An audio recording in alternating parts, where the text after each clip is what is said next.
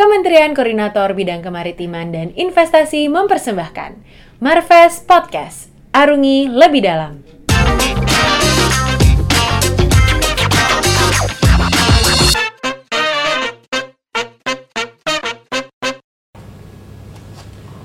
Hai tim Marves, eh, kembali lagi dalam Marves Podcast kali ini bersama saya Hendra Agung Permana.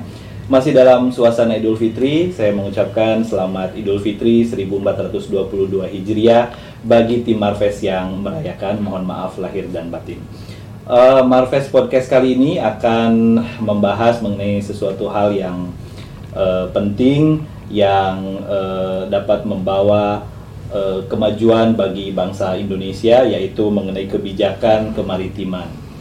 Sebagaimana kita ketahui bahwa Indonesia merupakan negara kepulauan terbesar di uh, dunia dengan uh, luas wilayah perairan dari data terbaru dari Pushidros dan BIG mencapai 6,4 juta kilometer dan uh, panjang garis pantai 108 km persegi yang merupakan terpanjang kedua di dunia.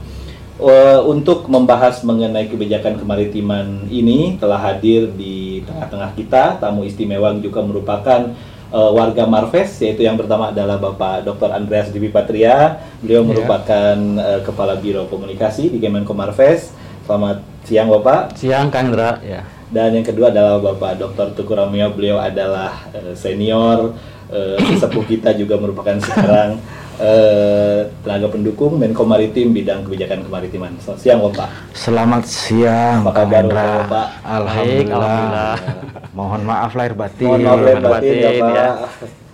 Baik Bapak, eh, sebagaimana kita ketahui tadi seperti yang saya bilang bahwa Indonesia merupakan negara yang eh, mempunyai potensi maritim yang besar. Em, dengan eh, posisi geostrategi seperti itu di antara dua samudra, di antara dua benua itu, dan kekayaan alam yang terkandung di dalamnya, tentunya perlu eh, pengelolaan untuk eh, mencapai eh, tujuan bersama sebagaimana diamanatkan di Undang-Undang Dasar 1945 yaitu men- eh, mensejahterakan kehidupan bangsa dan lain sebagainya. Nah, eh, terkait dengan kebijakan kemaritiman, Pak, em, sebetulnya dinamika visi kemaritiman atau pembangunan kemaritiman atau kelautan ini lintas waktu atau lintas rezim dari mulai ke masa kepemimpinan Presiden Soekarno sampai dengan sekarang Bapak Joko Widodo itu seperti apa Pak? Barangkali ada sedikit ini. Terutama kami persilakan Pak Andreas. Oke, eh, sebelum saya jawab, saya mohon izin buka masker dulu ya, Baik, Kang Indra ya, Bapak. Saya juga supaya kita membuka. bisa diskusinya lebih enak. Baik. Baik, terima kasih. Eh, ini menarik nih, Kang Indra. Iya Bapak. Kalau kita lihat dari eh, sejarah bangsa ini dari zaman eh, kemerdekaan diproklamasikan oleh Bung Karno sampai pada masa saat ini, di setiap periode pemerintahan itu ternyata kalau kita baca buku sejarah itu semuanya punya kebijakan-kebijakan atau urusan-urusan yang cukup kuat tentang kemaritiman. Kemaritiman. Nah, sebagai contoh misalnya di zamannya Bung Karno itu beliau pertama sekali melakukan eh, Kongres Maritim pertama. Kemudian pada saat itu setelah kongres itu besoknya beliau membuat surat keputusan yang menetapkan tanggal 23 September. September sebagai Hari Maritim Nasional gitu.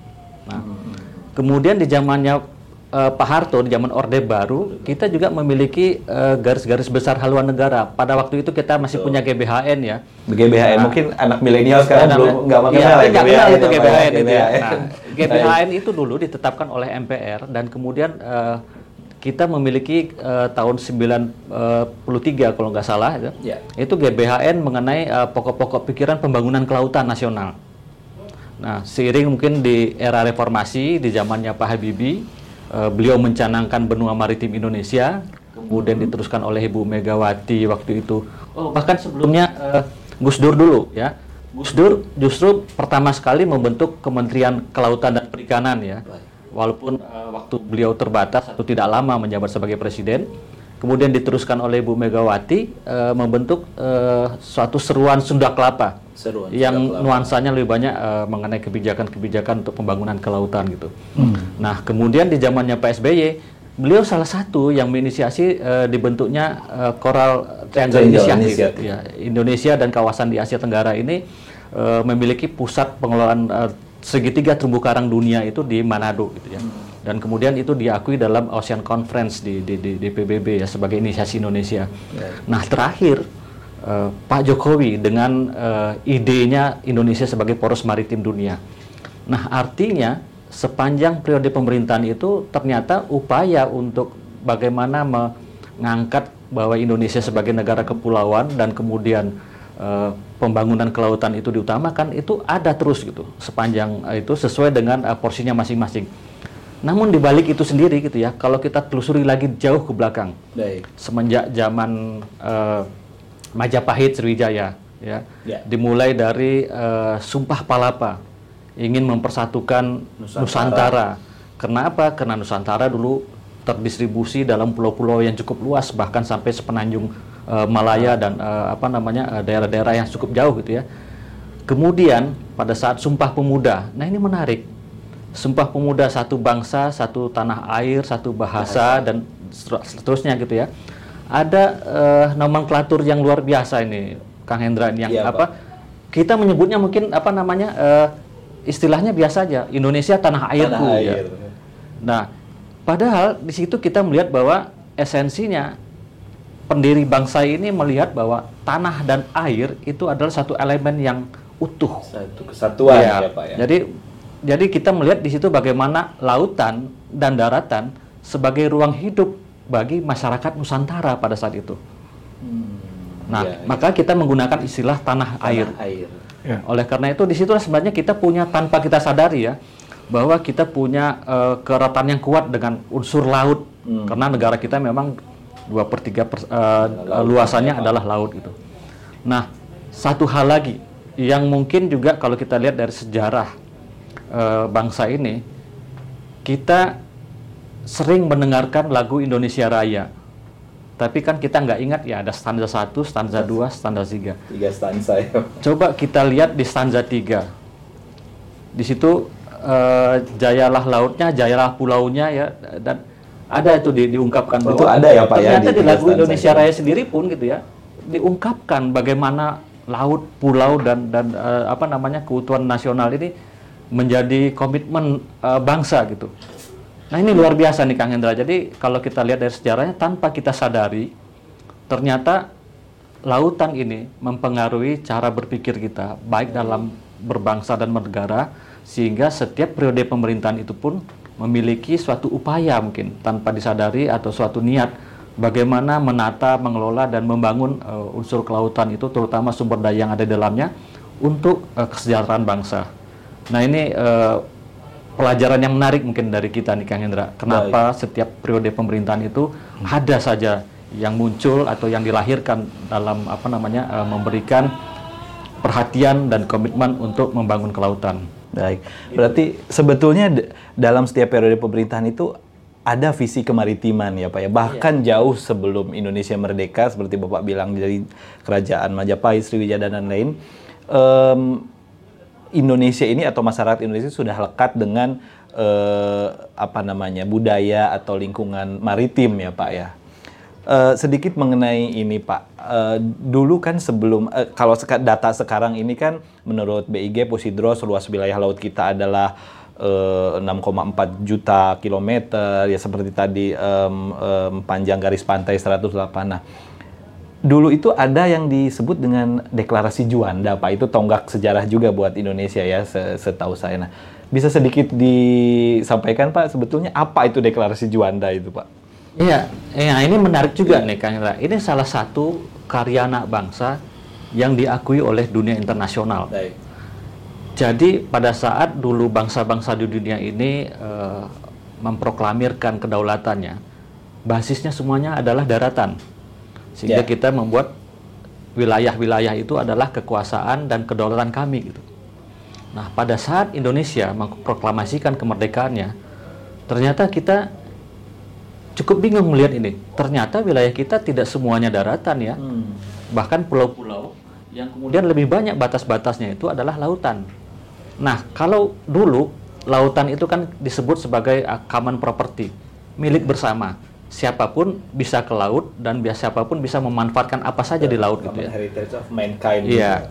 Nah, Yang terjadi adalah pada saat kita daratan kita kita proklamasikan sebagai kedaulatan kita wil- wilayah Sumatera, wilayah Kalimantan, Pulau Jawa, Sulawesi, Papua dan seterusnya gitu ya. Maka lautan yang ada di antara dua pulau itu otomatis akan menjadi hak internasional. Ya. Karena waktu itu hak kedaulatan hanya eh, batasnya beberapa mil saja dari daratan gitu ya. Tiga nautical miles Iya, kalau nggak salah lebih ya, kurang ya. 200 mil dan seterusnya gitu.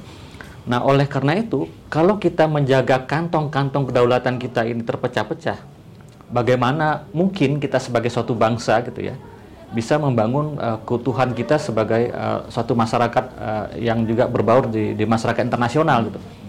Nah, inilah yang menjadi pemikiran Insinyur Juanda pada waktu itu.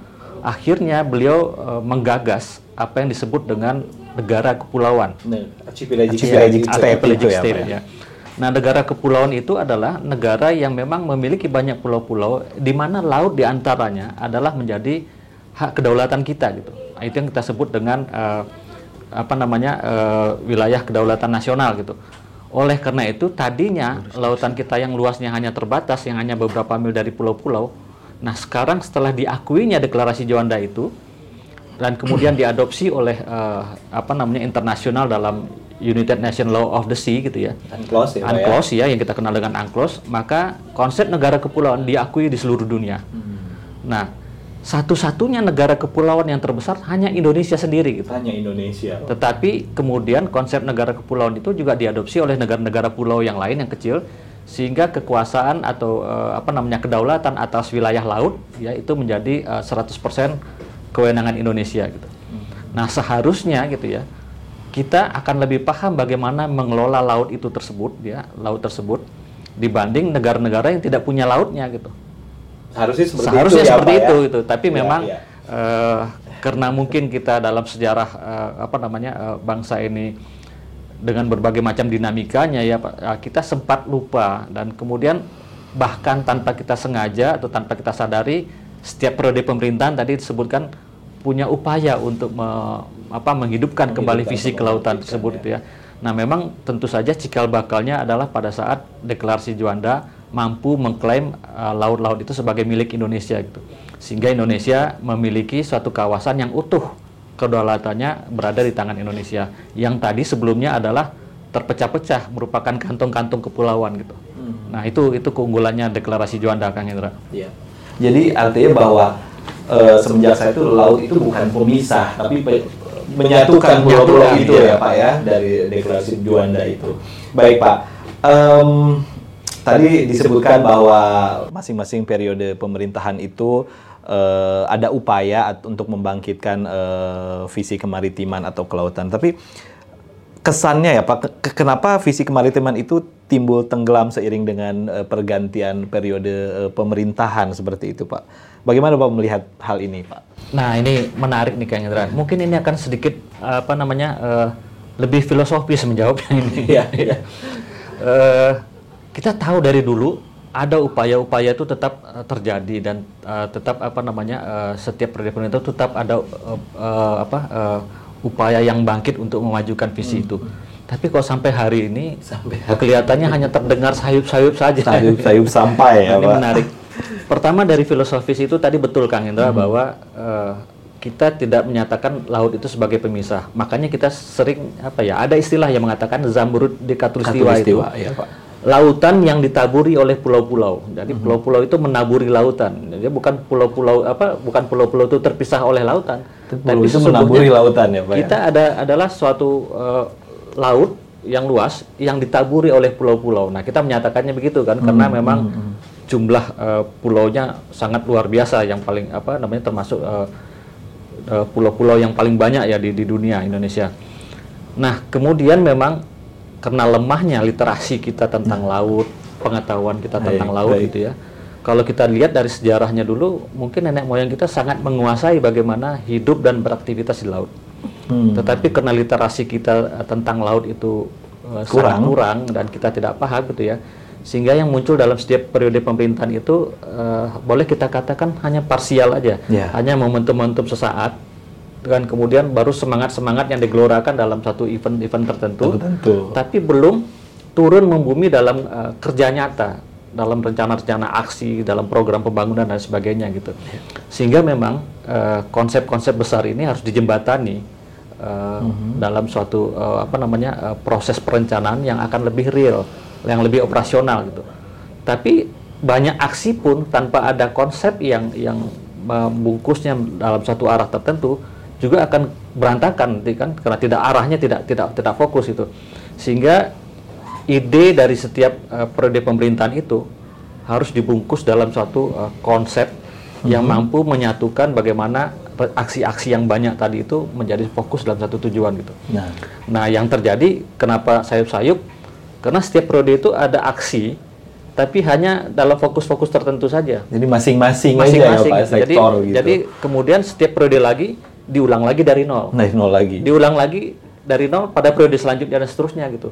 Jadi seperti Pertamina aja kita setiap periode mengulang dari nol dari Baik. dan kita nggak pernah maju-maju kalau gitu ya. kan. Iya, Pak. Sehingga kita memang butuh eh, suatu konsepsi yang berjangka panjang. Mhm. Jadi kalaupun setiap periode kita mulai dari nol bisa mencapai dua, tapi seterusnya kita akan mulai dari tiga untuk menuju lima. Gitu. Ada keberlanjutan, Ada keberlanjutan. ya, Pak, ada kontinuitas Demikian ya. juga sebegitu sehingga kita bisa mentargetkan dalam jangka panjang 5 tahun, 10 tahun, 15 sampai 20 tahun kita punya eh, satu akumulasi yang memang betul-betul bersinambungan dan bertambah maju gitu.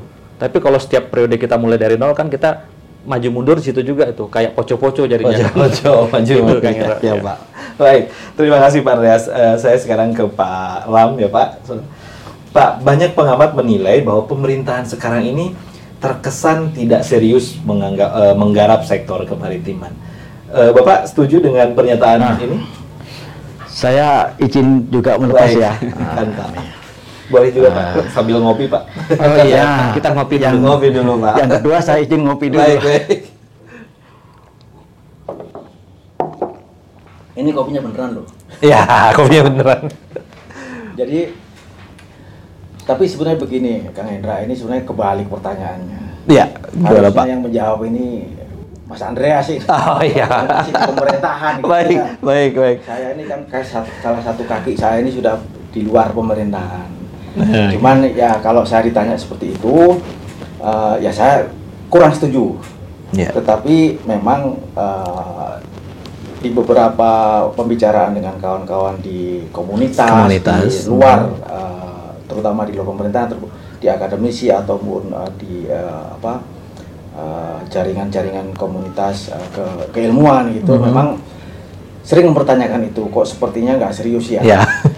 Nah mungkin karena uh, waktu 2014 sangat kuatnya Pak Jokowi ya, di- uh, waktu beliau mengatakan "Ti- jangan lagi memungungi laut, terus di apa namanya disambung dengan uh, pidato beliau waktu di pertemuan internasional Mhm. tentang poros maritim dunia. Poros nah, maritim itu kan dunia. waktu itu semangatnya 45 tuh banyak sebetulnya eh, apa namanya aksi-aksi atau eh, kegiatan-kegiatan yang kemudian create dan eh, oleh eh, baik pemerintah maupun yang akademisi, Akademisi untuk menjawab itu. Jadi ya. sebetulnya kalau dibilang mungkin pemerintah serius, pemerintah masih serius, tetapi memang saya eh, mungkin mengulang dari tadi yang disampaikan Mas Andreas, masalah literasi ini Kembali lagi Kembali literasi ya artinya Pak, saya mau mengatakan itu. apa yang dikerjakan pemerintah, walaupun itu mungkin eh, adalah eh, terkait dengan laut, tetapi karena kita ini adalah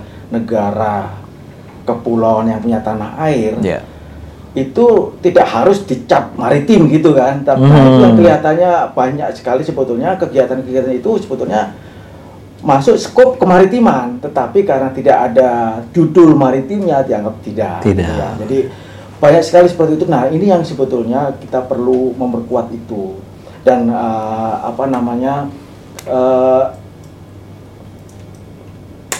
satu lagi yang mungkin eh, dirasakan bahwa eh, kegiatan-kegiatan yang sudah dilakukan satu lagi yang tadi betul bahwa sektoral yang kedua kemudian juga memang eh, kita jarang sekali walaupun kita eh, pemerintah tuh saya yakin banyak sekali eh, sudah termasuk Upaya ya. laut termasuk yang sekarang ini misalnya mulai dari konsep sampai ke aktivitas misalkan Hmm. eh, budaya ya misalnya eh, bersih laut kemudian Citarum Harum semua yang terkait dengan plastik misalnya itu itu pemerintah peduli pemerintah masih akan kemudian juga di perubahan iklim termasuk plastik, Plastik. dan kemudian juga uh, terkait dengan masalah konsep-konsep ekonomi biru misalnya. Blue Ini kita ya. punya se- semangat seperti itu. Jadi banyak sekali dan uh, yang mungkin yang harus dipahami bahwa uh, mem- membangun sebuah negara yang mengarah ke kemar negara kemaritim misalnya atau sampai menjadi poros maritim itu tidak lima tahun langsung jadi. gitu. Ya, iya betul Pak. Jadi memang ini nafas panjang dan ini kita juga sejarah kita panjang Hmm, untuk itu. Oleh karena itu uh, kadang-kadang uh, te- uh, masyarakat juga tidak sabar gitu ya. Ya. Ini mana poros maritim? Mana bentuknya? Apa sih gitu poros maritim itu, gitu. mana hasilnya ya, Ini Pak? yang perlu kita literasikan. Artinya kita harus juga me- apa uh, sering-sering mengajak untuk uh, melakukan uh, komunikasi bahwa Ya. Seperti ini loh seperti bahwa ini perlu ada semacam langkah-langkah yang tidak hanya satu periode lima tahun itu Hmm. selesai gitu ya seperti Australia aja 50 tahun ingin menjadi bangsa Bangsa maritim bangsa itu ya Pak. Ya. Uh, Cina malah 100 tahun Hmm. menjadi bangsa inovasi. Nah, kita kan harus punya itu. Nah, Ya. memang itu sekarang masih terkesan sendiri-sendiri. Sendiri-sendiri. Nah, inilah yang sebetulnya yang perlu kita rajut. Dan salah satunya adalah uh, kita sebut punya ini inisiatif, walaupun kita perlu me- apa, uh, menyempurnakan ya, yaitu Hmm. namanya kebijakan kelautan Indonesia. Kebijakan kelautan Indonesia Yang ya seba- Pak. Ya kita harapkan inilah walaupun uh, sebetulnya amanah undang-undang itu eh, kita sesegera ketika 2014 kita uh, semangat 45 tadi Ya. ada inisiatif ada kemudian kita menerbitkan undang-undang kelautan saking semangatnya itu ya salah satu salah satu sebetulnya di situ memang Klausulnya ya, pasal. apa ada ada pasal Ya. yang menyatakan bahwa sesegera setelah undang-undang itu harusnya Ditetapkan. pemerintah menyusun yang namanya kebijakan pembangunan kelautan jangka panjang dalam bentuk peraturan pemerintah. Tetapi waktu itu Menko baru Terbentuk. baru terbentuk gitu Iya, ya. Pak. Jadi ma- kita masih terus exercise Mhm. melakukan apa pembenahan-pembenahan, persiapan-persiapan. Nah, di situlah kemudian uh, lima tahun pertama itu memang betul-betul kita menyiapkan Hmm. basis. Kalau kalau mau bangun segala sesuatu kan kita mesti tahu yang kita punya apa sih, kita udah sampai mana, mana yang sudah siap gitu kan. Hmm. Betul, nah betul, ini yang perlu kita siapkan. Nah ini terus jangan terus kemudian masyarakat uh, menganggap wah ini pemerintah sudah mulai tidak apa namanya kurang perhatian nih tidak tapi kita sedang menyiapkan itu nah Mhm. di, setelah itu barulah kita kemudian uh, inisiatif yang kita perpres tadi KKI itu Ya. mudah-mudahan ini menjadi sebuah modal Modal. untuk ke depan itu jadi itu Baik. jadi dua satu Baik, baik, Pak. memang uh, kita akan melanjutkan modal itu dan kita masih dalam persiapan yang kedua memang kita perlu membangun literasi ini supaya apa yang dikerjakan walaupun tidak ada apa judulnya kemaritiman tapi sebetulnya banyak sekali kegiatan-kegiatan dilakukan pemerintah itu terkait dengan kemaritiman mulai dari hulu kita kan memang negara tanah air ya Tanah air. ada konsep apa ada banyak sekali kearifan seperti negara gunung jadi Hmm, di kearifan lokal ya, Iya, Pak ya. jadi kita tidak pernah mel- me- apa namanya memisahkan pembangunan eh, walaupun itu apa pembangunan kemaritiman itu tetap kita tetap eh, eh, terpadu antara darat dan laut. Iya Pak. Berarti dari eh, Bapak dan Pak Andreas ini bahwa literasi mengenai kemaritiman ini sangat penting ya Pak. Iya, untuk- terutama saat-saat gitu. ini ya. Iya, iya. Khawatirnya juga bahwa yang su- pemerintah sudah banyak melakukan, tetapi Hmm. eh, banyak yang tidak dipahami bahwa itu sebenarnya bagian juga dari kemaritiman. Karena eh, sejauh ini barangkali mungkin teman-teman eh, tim Marves ini juga belum sepenuhnya memahami bahwa atau hanya memahami bahwa kemaritiman itu terbatas pada kelautan. Tidak, seperti itu ya, ya, Pak ya. ya, Jadi sementara kemaritiman itu juga aspeknya tidak hanya kelautan, Ya. luas eh, selain kelautan juga lain-lain. Eh, baik Pak. Selanjutnya ke Pak Andreas kembali. Ini Bapak kan tiap hari nih eh, berkutat dengan soal kebijakan kemaritiman atau kelautan ini. Sebetulnya Pak, visi seperti apa sih yang diharapkan pada masa mendatang untuk eh, mewujudkan kita menjadi poros maritim dunia ini? Seperti apa eh, visi yang ingin dicapai gitu Pak? Ya, ini sulit jawabnya nih Kang Hendra.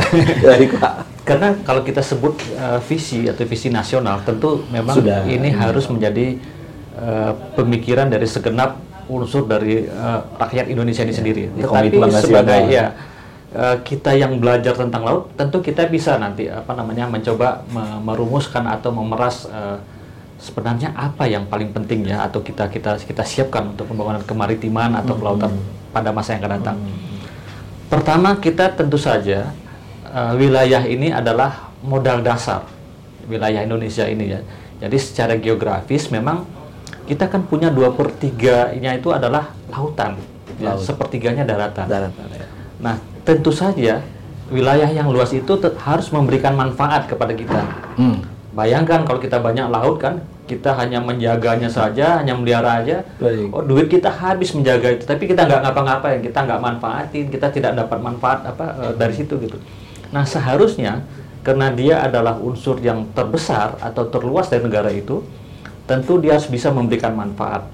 Manfaat apa saja, baik manfaat ekonomi untuk kesejahteraan bangsa, dan kemudian juga tentu saja manfaat eh, secara komparatif bahwa posisinya Indonesia itu memang sudah memberikan eh, keuntungan yang luar biasa. Iya. Nah, tentu saja komparatif, manfaat ya. komparatif itu harus kita transformasikan menjadi manfaat yang bisa berkompetisi dengan negara-negara di dunia. Nah, oleh karena itu memang karena laut banyak mempengaruhi kehidupan kita, Kang Indra, Iya. tentu dia harus menjadi eh, suatu apa ya yang melekat dalam kultur atau budaya kita, literasi Betul. dan sebagainya gitu. Nah, esensinya apa?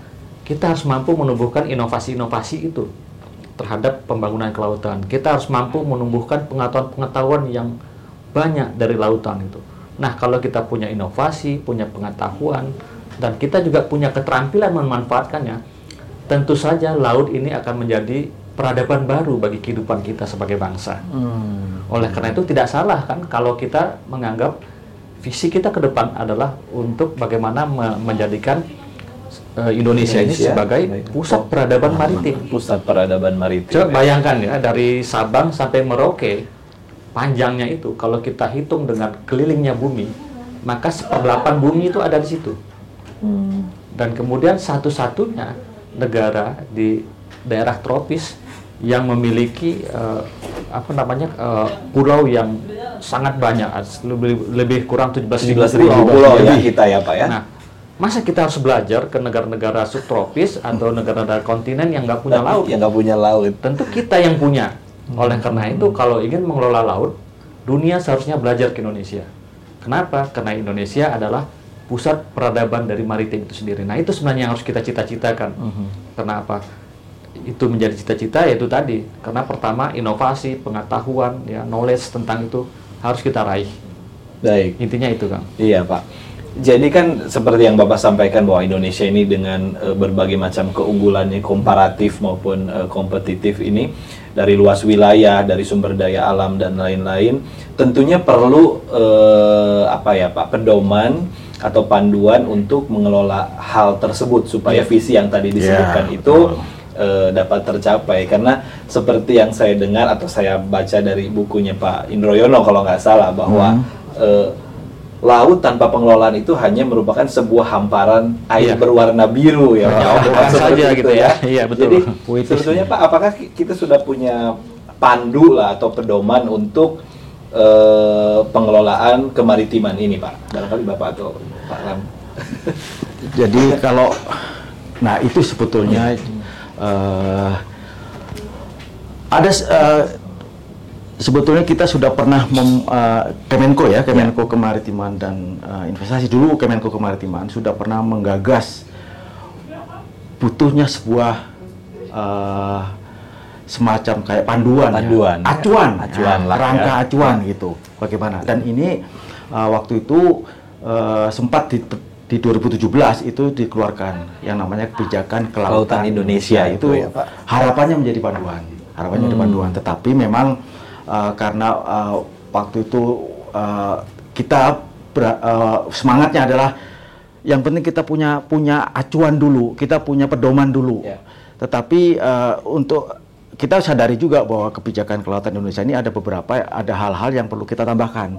Belakangan saja nanti yang penting kita punya Punya ada dulu gitu pedoman ya, Pak, ya. ya, punya punya punya apa ya? Punya basis ya, punya basis pedoman untuk bekerja gitu ya, yaitu kebijakan kelautan Indonesia. Nah, ini sebetulnya eh, yang diharapkan oleh undang-undang itu itu pedoman. Jadi adanya kebijakan eh, pembangunan kelautan jangka panjang sebagai pedoman, sebagai acuan Artinya Pak jangka panjang itu eh, lewat satu periode pemerintahan barangkali Nah. seperti itu ya Pak ya. Eh, zaman dulu kita mengenal adanya repelita GBHN ya. Ya, GBHN. Itu jangka panjang itu kita eh, apa kita definisikan sebagai pembangunan 25 tahun. 25 tahun, nah, ya. setelah reformasi jangka panjang itu ad- 20 tahun kita kita perpendek ya. I- Itu biasa biasanya diformulasikan ke undang-undang. Iya, Undang-undang RPJP. RPJP, 20. iya. Jadi jangka panjang itu sekarang ini kita 20 tahun. Sementara jangka menengah lima tahun. Nah, yang diharapkan adalah kita punya jangka panjang itu. Nah, itulah yang sebetulnya yang kita sebut dengan peta jalan atau Roadmap. haluan, Ya, roadmap. ya. Nah, kalau orang laut mengatakan haluan, Haluan. karena di laut kan nggak ada jalan. Ya, ya. Kalau di darat ada jalan, Ada namanya jalan. peta jalan. Kalau di laut ya peta haluan, ya Haluan. kita jadi. Nah ini yang sebenarnya yang diinginkan.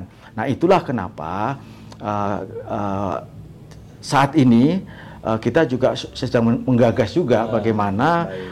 uh, mentransformasi kebijakan kelautan Indonesia yang sudah kita punya dan yang dalam bentuk perpres ini betul-betul menjadi sebuah uh, dokumen kerangka besar pembangunan itu uh, jangka panjang yang akan na- nanti akan menjadi acuan pembangunan. Nah, mudah-mudahan dengan ini itu uh, apa uh, pembangunan kelautan itu lebih terlihat, lebih sinergi, lebih menyeluruh, komprehensif dan terpadu gitu ya. Dan ini juga sebetulnya uh, juga yang sudah di uh, catatan legislatif waktu 2018 yang sudah disampaikan ke Pak Jokowi. Nah, di situ disampaikan bahwa perlunya haluan, perlunya uh, apa namanya sebuah haluan jangka panjang untuk sebagai uh, pedoman, pedoman untuk pembangunan. Pembangunan. Dan itu juga yang dibisikkan pada saat uh, Pak Menko dilantik dalam kabinet Indonesia Maju di 2019. Salah kedua satu ya, Pak? periode kedua salah satunya adalah untuk tetap mencari terobosan-terobosan uh, menjadikan Indonesia sebagai poros maritim dunia. Nah, salah satunya adalah yang digagas ini adalah uh, mengembangkan KKI yang sudah kita punya untuk menjadi uh, haluan yang peta jalan sesungguhnya dalam bentuk pembangunan apa uh, kebijakan jangka panjang uh, 20 tahun. Itulah kenapa kita coba uh, 2045 ini menjadi apa namanya tahun bersejarah ini. Momentum ya, Momentum. momentum itu. 100 tahun Indonesia merdeka itu 2045 dan mudah-mudahan di 2045 juga kita bisa uh, mulai menjadi uh, apa me- uh, mewujudkan kepada dunia bahwa Indonesia adalah uh, pusat Peradaban maritim. maritim, Itu ya, 2045. Pak, ya. Nah itu. Jadi memang Baik. belum ada tapi sekarang Menarik, ini sedang Pak. sedang sedang kita gagas. ya. Ya. Bapak Jadi melengkapi eh, penjelasan Pak Ramyo, ini Pak menarik ini apa? Eh, tadi kan kita kita ketahui ya bahwa setiap periode pemerintahan itu ada suatu niat atau suatu Iya. visi yang di- dilakukan untuk mengangkat bagaimana pembangunan kelautan atau Kelautan, aspek kemaritiman itu kemaritiman. menjadi suatu identitas nasional gitu. Tapi kan berhenti di situ saja gitu. Nah, kita mengharapkan sebenarnya perencanaan jangka panjang ini mampu menghimpun itu semua. Jadi itu sebenarnya pemikiran-pemikiran anak bangsa yang yang mungkin eh, secara eh, apa namanya parsial ya muncul di era atau di zamannya gitu. Masing-masing gitu Masing-masing ya. gitu. Nah, belajar dari itu kita satukan itu semua untuk kita apa namanya eh, kita sumbangkan kepada bangsa ini dalam perencanaan 20 atau 25 tahun mendatang. Jadi kenapa demikian?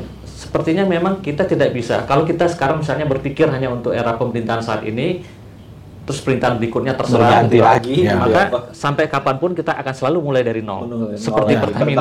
lagi ya Pak. Jadi Tetapi supaya kita punya kesinambungan, maka kita harus merajut itu menjadi suatu perencanaan yang utuh ya 25 tahun ke depan atau 20 tahun ke depan sehingga kita tahu 20 tahun lagi kita akan menjadi apa. Nah, siapa pun nanti partai politik yang akan menang, siapa pun, Siapa pun pemerintah yang berkuasa, ya, maka rakyat Indonesia punya visi, punya niat bagaimana ini berkesinambungan terus mencapai dalam 20 tahun ke depan gitu.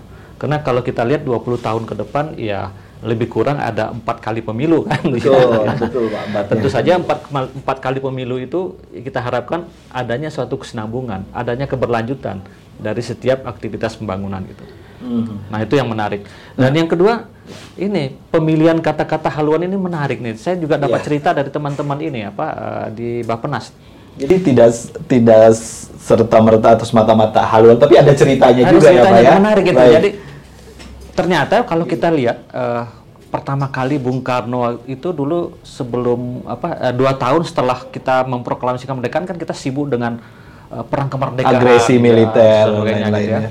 Maka di tahun kedua ketiga baru pemerintah baru bisa menyusun eh, struktur organisasinya. Hmm. Waktu itu dibentuk suatu biro perencanaan nasional kalau nggak salah ya. Itu yang menjadi cikal bakalnya Bappenas Bappenas.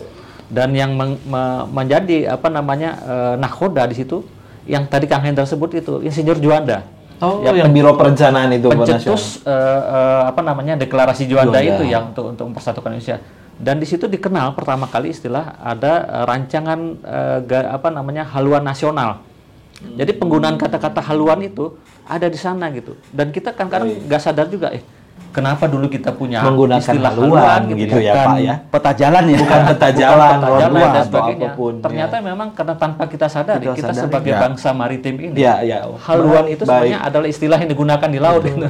Sebetulnya banyak istilah-istilah yang apa eh, istilah-istilah yang yang ada di masa di di pemerintahan itu dari eh, dari Dari- dari, budaya dari- kemaritiman.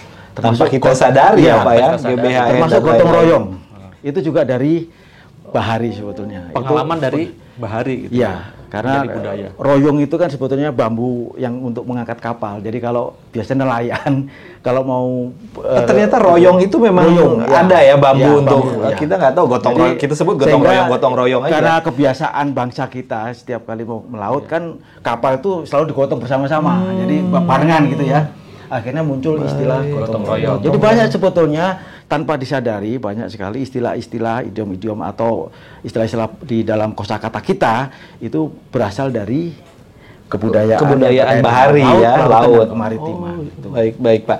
Tadi disebutkan bahwa ya kita sudah ada kebijakan kelautan Indonesia tapi em, eh, sekarang sedang juga di apa Digagas disusun lah. atau Iya, digagas di- dikem- mengenai iya. eh, haluan ya Pak Iya. ya haluan kemaritiman.